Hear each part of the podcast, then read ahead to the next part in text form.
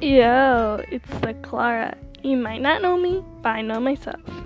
Um, I guess this is a new podcast that no one heard before, and I will do random stuff. I don't know.